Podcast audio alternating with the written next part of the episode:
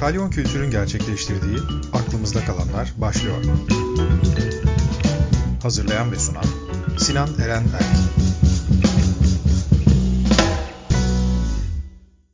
Herkese merhaba. Aklımızda kalanların yeni bölümüne hoş geldiniz. Bugün e, bir sanat profesyoneliyle Özge İnal'la konuşacağız. Merhaba Özge, nasılsın? Merhaba Sinan, teşekkür ederim davet için. Ee, iyiyim, iyi olmaya çalışıyorum tabii. Böyle sıra dışı günler yaşıyoruz. Ee, bugünlerde konuşmak, paylaşmak herkese iyi geliyor. Ee, çünkü sürekli tahminler yürütüyoruz, onun için iyi oldu bu programda buluşmamız. Evet, sanırım bu anları kaydetmek ve sonrasında hatırlamak üzere böyle bir e, podcast yayını üzerinden belgelemek hepimiz için e, sonrası için de iyi olacak gibi duruyor. Şimdi önce e, birkaç şey var aklımda. Onları seninle konuşmak istediğim şeyler var. Belki sonrasında laf lafı açacak başka bir yere geleceğiz.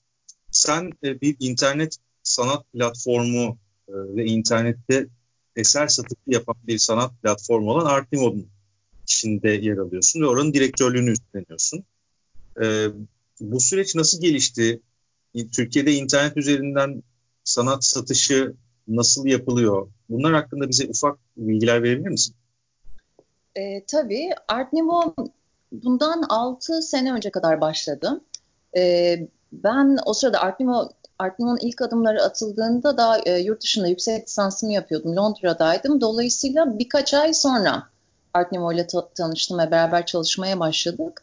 E, o dönemde çok yenilikçi bir fikir gibi gelmişti bana. Belki hala da öyle. Şu an biraz daha alışkınız çevrim içi sanat mecralarına ama o dönemde biraz daha e, yeniydi diyebiliriz. E, şu şekilde ilerliyor. Aslında bizim e, ana gemimiz artnimo.com gibi. Yani bütün vitrinimiz, bütün sanatçılarımızı orada görebiliyorsun. Editoryal e, kısmımız var. Editoryalde bir takım yazılar paylaşıyoruz, röportajlar paylaşıyoruz. E, sanatçıların videolar, e, atölyelerinde video çekimleri yapıyoruz. Onları web sitesine yüklüyoruz. Sanat haberleri paylaşıyoruz. E, sanatçılarla ilgili başka bir takım e, bilgiler paylaşıyoruz. E, online sergiler düzenliyoruz. E, yalnızca Artimo.com'dan izlenebilecek şekilde. Bunun haricinde bir de e, fiziksel mekanlarda da sergiler yapıyoruz. Atıyorum billboard projesi yaptık İstanbul billboardlarında mesela. Belli bir takım mekanlarla anlaşıp orada sergi yapıp pop-up dedikleri sergiler yapıp çıkıyoruz da. Ee, şöyle aslında iki tarafı da beraber yürütüyorduk bu döneme kadar ama bundan sonra belki e, yalnızca çevrim içi devam etmek durumunda kalabiliriz bu e, virüsten dolayı, bu süreçten dolayı. E, nasıl ilerliyoruz? Aslında sanatçılarla e, belirli bir takım çalışmaları üzerinden anlaşma yapıp e, web sitesi üzerinde onları sergilemek, göstermek, bütün bilgilerini orada paylaşmak, fiyatı da dahil olmak üzere. E, ve e, oradan birçok insana ulaşabildiğimiz kadar insana ulaşıp e, siteyi görmelerini sağlamak aslında. Siteye girdiklerinde zaten birçok bilgi edinebiliyorlar. Bize ulaşabiliyorlar oradan e, iletişim adresinden. E, eserle ilgili daha çok bilgi almak istediklerinde ya da eseri direkt olarak görmek istediklerinde e, bize ulaşıyorlar ve biz bunu sağlıyoruz. E, ve bu şekilde bir e, satış gerçekleşebiliyor ya da herhangi bir küratör girdiğinde oradan bir eser e, görebiliyor. E, bizim aracılığımıza san, e, sanatçıya ulaşabiliyor ve e, bir bağ kurmuş oluyoruz aslında. Ya aslında bu daha önceden e, uygulanan fakat Türkiye'ye görece yeri yeni gelmiş bir sistem. Fakat daha önce evet uygulanıyor. Daha önce e, uygulanıyor hala e, aslında yaygın. Türkiye'de belki e, web sitesi üzerinden işte satış e, yapmak, e, bir şey satın almak, e, bir bilgiye ulaşmak çok da tercih edilmiyordu. Ama bundan sonra tabii ki de alışkanlıklarımız değişecektir. E, evden çok fazla çıkmadığımız için, kendimize daha dikkat ettiğimiz için. Dolayısıyla e, çevrim içi bu mecralarda da trafiğin artacağını tahmin ediyoruz. Aslında zaten biraz konuyu oraya getirmek de istiyorum. Çünkü e, bu yaşadığımız karantina ve e, evde kalma süreciyle beraber alışkanlıklarımız doğal olarak değişiyor. Sanatsal alışkanlıklarımız da yani hem üretim hem tüketim tarafından bahsederek söylüyorum. e, ciddi bir değişim içinde. Bir sanatçının üretim şekli nasıl değişiyorsa bir sanatseverin sanat tüketim şekli de artık ufak ufak değişmeye başlıyor.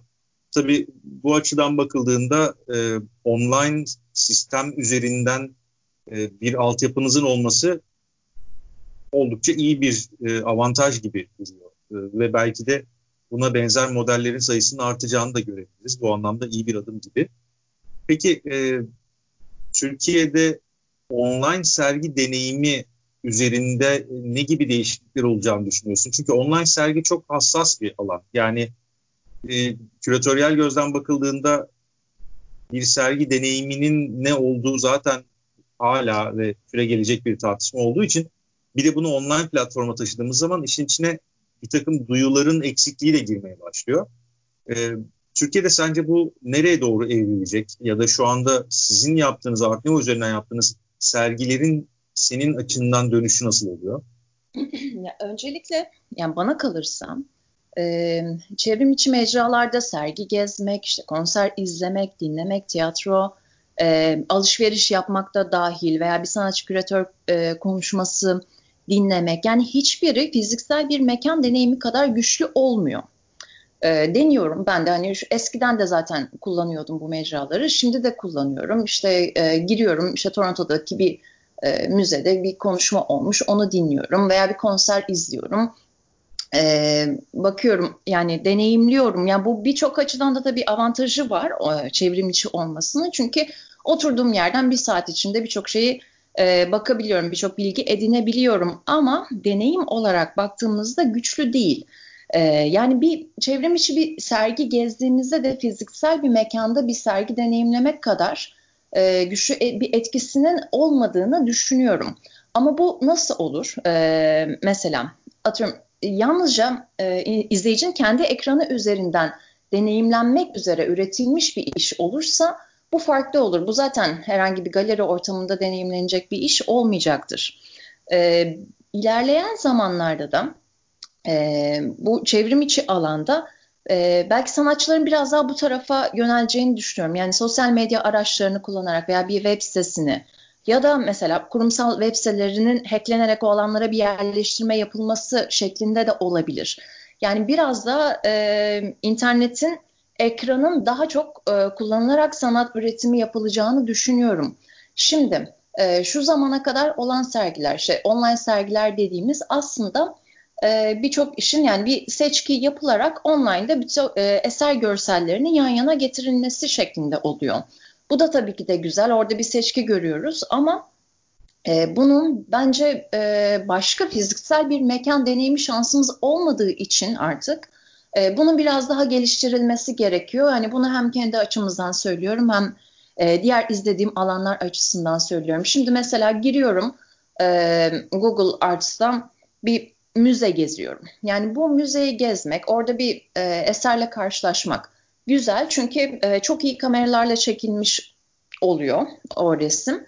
E, ve normalde bir mekanda göremeyeceğim detayları orada görebiliyorum. Bu açıdan güzel. Ama bu bir sanat tarihçisinin işine yarayacak e, tarzda iyi demek oluyor. Yani orada bir sergi gezmek, bir e, sanat görmek gibi olmuyor aslında.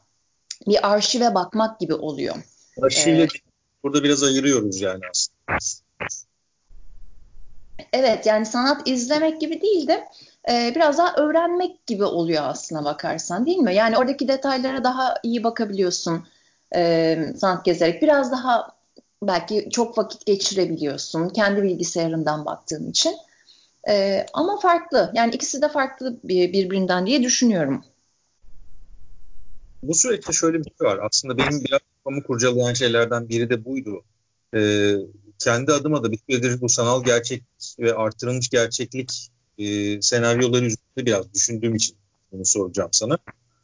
Biraz önce söylediğin işte artık sanat üretiminin bir başka boyuta taşınması yani sanatçıların artık içlerinde bulunduğu mecraya uygun şeyler üretmeye yönelmeleri durumunda biz bir sanal gerçeklik e, işte setiyle ya da artırılmış gerçeklik uygulamalarıyla o deneyime sence yaklaşma şansımız var mı? Yoksa bu tamamen başka bir kültürü gerektirecek ve artık bizim kuşağımızın belki bugüne kadar bu şekilde deneyimlemiş olan insanların artık anlayamayacağı bir noktada gelecek kuşağın sadece anlayabileceği bir noktaya mı? Ya e, bana şöyle geliyor. Bunlar böyle bir mesela sanal gerçeklik işte zamanında e, internetin hayatımıza girmesiyle ortaya çıkan mesela bu net art gibi e, yani hayatımıza herhangi bir teknoloji girdiğinde herhangi bir e, olasılık gördüğümüzde buna heyecan duyuyoruz. Sanatçılar buna heyecan duyuyor. Teknolojiden faydalanıyor. Böyle farklı bir dünyaya e, adım atmış. Bundan sonra hiçbir şey eskisi gibi olmayacakmış gibi hissediyoruz. Ama e, seninle geçen konuştuğumuz gibi yine de e, resim ön planda hala mesela. Yani e, ondan ilgi hiçbir zaman yani e, geleneksel yöntemlerden geleneksel yöntemlere olan ilgi hiçbir zaman azalmıyor. Yani atıyorum bir sanal e, gerçeklik bizim hayatımızı e, ele geçirmeyecek diye düşünüyorum. E,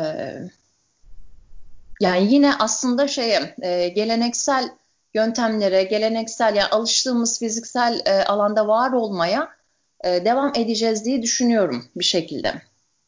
Yani bir noktadan sonra aslında organik diyebileceğimiz bir forma yeniden dönmemiz gerekecek. E, ama işte ne kadar ironiktir ki aslında şu anda bir kısıtlayan şey organik organizmanın aslında hepimizi evde tutması durumunda var.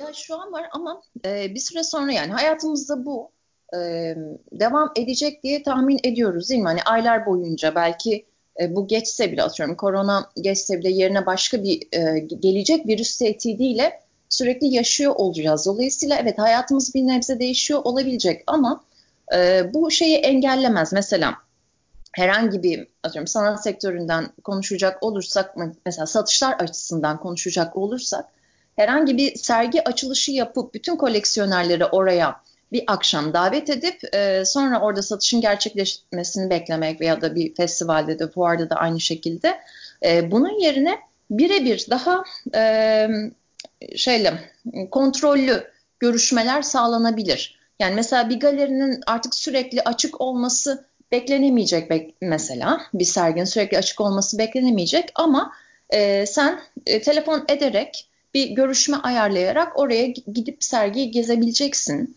E, orada galericiyle belki iletişim kurabileceksin birebir. Satış olacaksa o, o şekilde olacak, o yönde olacak gibi. Yani bir şekilde bu dünya devam edecek gibi geliyor bana. E, çok haklısın ama şöyle bir noktaya da hep evriliyor. Bunları düşündüğüm zaman ben.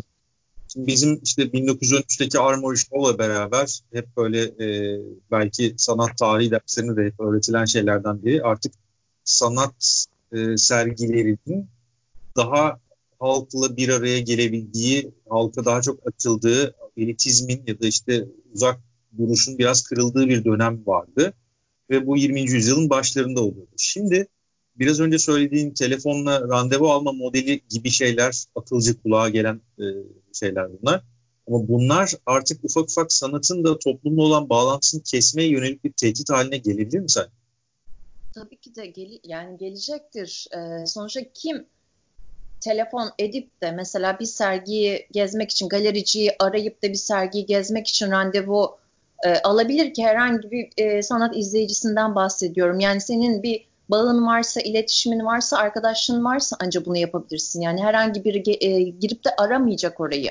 Yani dolayısıyla toplumla e, sanatın bağı o noktada kesilebilir. E, büyük bir e, darbe alacaktır. Ama bu taraftan e, ne toparlayacak? İşte biraz önce konuştuğumuz gibi e, internet üzerinden, izleyicinin işte kendi ekranı üzerinden e, yine dahil olabileceği çalışmalar e, aslında toplumla sanat arasındaki bağı onlar sağlayacaktır diye tahmin ediyoruz. Yani o zaman kültürel alışkanlıklarımızın değişeceğinde hemfikiriz sanırım. Tabii, tabii ki de değişmek zorunda. Yani aslında biz e, bir noktada çevrim içi sanata, online sanata biraz daha e, evrilip belki sanatçıların da üretimleri o tarafa evrilecek. Biz de o tarafa evrileceğiz. E, ve yine hani, şeyin kaldığı e, resmin, heykelin daha bizim klasik anlamda disiplinler olarak belirlediğimiz, bildiğimiz e, disiplinlerin kaldığını göreceğiz ama belki içerikleri, oranları ya da bize karşı tutumları değişecek. Yani şu çok yazık olurdu açıkçası. E, bu kadar çok galerinin ve müzenin olduğu bir dünyada, yani sadece Türkiye'den bahsetmiyorum, yurt dışında çok fazla çünkü galeri müze var. Biz işte ilkokul dönemindeki öğrencilerin o galerilere, müzelere giderek yapıtlarla birebir karşılaştıkları, onları deneyimledikleri bir kültürü hala yaşıyorduk. Özellikle İkinci Dünya Savaşı sonrasındaki dönemden başlayacak olursak. Şu an bu de- değişime girersek ve o yapıtlar artık o insanlar tarafından deneyimlenmemeye başlarsa ya da farklı şekilde deneyimlenmeye başlarsa e, ileride belki resim ve heykel algısı da çok başka bir yere gider mi diye düşünüyorum. Çünkü bu da kültürel olarak çok büyük bir miras ama o mirası kaybeder miyiz ya da ne hale gelir bir türlü kafamda canlandıramıyorum. Sen ne düşünüyorsun? Yani ya şöyle olacaktır yani ilerleyen zamanlarda eğer hayat biraz daha normale dönerse şu an işte metrobüste, metroda yaptıkları gibi biraz daha sınırlı sayıda izleyiciyi içeriye alarak, e, müzelere alarak, e, sanat galerilerine alarak belki bir e, izleme, buluşturma sağlanabilir. E, o fena olmaz. Ama e, eğer ki hani bu bile olmuyorsa, e, tamamen hayatımız e, daha sert bir şekilde değişiyorsa ve herhangi bir müzeye gidip e, az sayıda o insan bile içeride olsa bunu deneyimleme şansımız olmayacaksa o zaman e, demek ki bütün eserler depolara kaldırılacak, arşivlenecek ve depolara kaldırılacak ve internet üzerinden fotoğraflarına bakacağız demek oluyor. Yani bu da nasıl yani çok e, iyi bir deneyim olmayacaktır bence. İyi bir e, karşılaşma olmayacaktır. Çünkü bir e, eserin bir heykelin fotoğrafına bakmakla onunla karşılaşmak e, arasında büyük bir fark var. Ya bir kere hani boyutu insan algılayamıyor gibi. Yani bakıyorsun mesela atıyorum 18 santim işte 20 santim bir e, küçük bir heykelden bahsediyoruz ama sen onu ekranında gördüğünde onu tam tam olarak algılaman bile çok zor olabiliyor. Evet Dolayısıyla öyle. İlişkimiz çok kopacak. Eğer ki böyle olursa ki umarım öyle olmaz. Yani açıkçası ben çok da e, bu noktada çok pozitif, çok mutlu bakıyorum kendi adıma. Çünkü bu tarz bir sanatının ya da bu tarz bir e, olağanüstü durumun kültürün ilerlemesinde büyük bir sekte yaratabileceğini ve bu yaratılan sektenin de eğer e, kontrol edilme dürtüsü içinde bir şey yapılırsa daha daha önceki var olan kültürü ve piyasa düzenini de tamamen değiştirebileceğini düşünüyorum. Yani piyasa düzeninin değişmesi tabii ki bir başka konu, bir başka başlık. Sanat dünyası ve sanat piyasası neler, bunlar varlar mı yoklar mı gibi bir sürü felsefik soru orada ortaya atılabilir, ontolojik soru ortaya atılabilir. Ama e, bir heykelin artık heykel gibi deneyimlenmeyeceği ve sadece bir üç boyutlu gözlükle sanki etrafında geziliyormuş gibi yapılarak bundan bir deneyim çıkartıldığını simüla, simülatif olarak böyle bir deneyim çıkartıldığını düşünmek de bana bir noktada çok korkunç geliyor açıkçası. Ee, yani korkunç aynen. Ee, bir taraftan bu arada e, simülatif bir şekilde onları deneyimlemek de hani ayrı bir şey. Yani onu hiç mesela ben e, şahsen deneyimlemedim. E, böyle bir atıyorum VR gözlüğüyle nasıl olabilir bir e, heykele görmek etrafında dolanmak. Hani bunu da bilmiyoruz. Belki bambaşka bir deneyimde olabilir ama kulağa evet iyi gelmiyor. E, kulağa bağımızı koparacak bir şeymiş gibi geliyor. E, belki çok bilmiyorum katı mı bakıyoruz ama e, yine de böyle bir eserle fiziksel olarak fiziksel bir mekanda karşılaşmak, e, onun detaylarına kendi gözlerinde herhangi bir aracı olmadan bakmak daha değerli diye düşünüyorum. Yani çünkü araya bir aracı girdiğinde e, ya onun filtresinden geçip bakıyorsun. Onun olanaklarıyla anca izleyebiliyorsun. Şimdi e, bir fotoğraf aracılığıyla yani bir fotoğrafa baktığında, bir fotoğrafın içindeki bir heykele baktığında e, o fotoğrafın olanaklarından yalnızca olanakları doğrultusunda o heykeli görebiliyorsun. Aynı şekilde bir e, atıyorum VR deneyimde de aynı şey olacak. Ee, yine bir aracı olacak o. Yine onun sınırlarına bağlı kalmak zorunda kalacaksın. Dolayısıyla e, kendi gözün yine en iyi yöntem diye düşünüyorum ben. Belki biraz böyle gelenekçi yaklaştım ama e, bana öyle geliyor. Çoğunlukla ben de dediğin gibi düşünüyorum şu an. E, benim kafamın karıştığı nokta biraz şu oluyor. Sanat gerçeklik deneyimlerinde çok basit bir roller coaster simülasyonda, bir hız treni simülasyonunda bile e, gözün derinliği ve hızı algılayış şeklinden dolayı vücudumuz fiziksel olarak bir takım tepkiler veriyor. Yani hatta belki bir sanat eserinin ver, e, aktarmayı başaramadığı tepkileri bile verdiği oluyor. Bunlar doğru tepkiler değiller elbette. Yani bir tür simülasyonu verdiği tepkiler. Düşüyormuş hissini e, aslında e, sömürüyor bir noktada. Ve gerçekten bir düşme hissi yok ama düşme hissini sömürdüğü için varmışçasına o dürtüyü şekillendirerek bize bunu yaşatıyor. Ve biz orada bir trenden aşağı doğru gittiğimizi görürken heyecanlanabiliyoruz. İnsanlar sanal gerçeklik gözlüklerinde dengelerini kaybedip sağa sola devrilebiliyorlar. Tamamen duyusal e, şeyini, iletişim noktasını kaybedebiliyor insanlar. Bu tarafta oluşabilecek bir sanatsal deneyim de bir başka şey hiç benzemeyecek ve bir de bu defa bu sefer bundan kurtulamayacağız gibi geliyor. Ee, işte o heykeli deneyimlerken acaba heykeli doğru mu deneyimleyeceğiz yoksa biz sanal gerçekliğin duyusal olarak bize verdiği bir takım e, farklı yönergelerle aslında hiç deneyimleyemeyeceğimiz bir şeyi deneyimleyip heykel de belki de bunu veremiyordu. Belki bu geride kaldı mı diyeceğiz filan gibi süreci iler, izlemek istiyorum. Çok bana heyecanlı geliyor. Bir de tabii belki de bu süreç e, üniversite ya da yüksek lisans ya da işte doktora daha da işte doçentlik ve işte profesörlük düzeyindeki yapılacak çalışmalarda çok büyük bir kapı açacakmış izlenimindeyim. Ee, bir şey şeye dönmek istiyorum aslında. Yani bütün bunlar tabii ki çok ciddi ve konular. Belki sonrasında daha uzun konuşmak gerekir. Ee, ama şeyi çok merak ediyorum. Bunu nasıl düşünüyorsun diye. İşin bir ekonomi modeli haline geldiği an çok kritik gibi. Yani biz şu anda işte az önce biraz elitizme götürecek mi bu durum yeniden filan diye sorduğumuz noktada. Sanat piyasası için yani küresel piyasalar için sence bu ne gibi bir noktaya gelecek? Biz yerel sanatçıların üretimlerini e, artık yerel piyasada böyle oluşan bir yerel piyasada satıldığını ve böyle bir ekonomiye dönüştüğünü görürüz yoksa küresel piyasa sence aynı şekilde devam edebilir mi? E, küresel piyasa da tabii ki de e, zarara uğrayacak, darbeye uğrayacak diye düşünüyorum. Bizdeki fark ya mesela Türkiye'de e, devletin sanatçılara herhangi bir desteği olmadığı için belki biraz daha e, sert hissedilecektir burada diye tahmin ediyorum. Yani Avrupa'da birçok e, sanat tonu var. Ben şimdi e, bakıyorum Amerika'da, Avrupa'da e, hani aralarından böyle bizim işimize yarayacak, bizim sanatçıların işine yarayacak bir fon bulmaya çalışıyorum ama şu an çok e, göremedim. E, Birçok destek fonu var. Atıyorum şu bölgede yaşayan, e, bu dönemde e, COVID'den etkilenmesi e, tahmin edilen e, sanatçılara bir destek veriyor ve sanatçılar hayatlarını devam ettirebiliyorlar bu şekilde. Dolayısıyla eğer ki olur da bu bu süreçten sağ çıkabilirsek, çok da büyük darbe almadan çıkabilirsek sanatçılar ve hepimiz e, hayat normale dönebilirse eğer e, piyasa devam edecektir. Hani küresel anlamda da piyasa devam edecektir.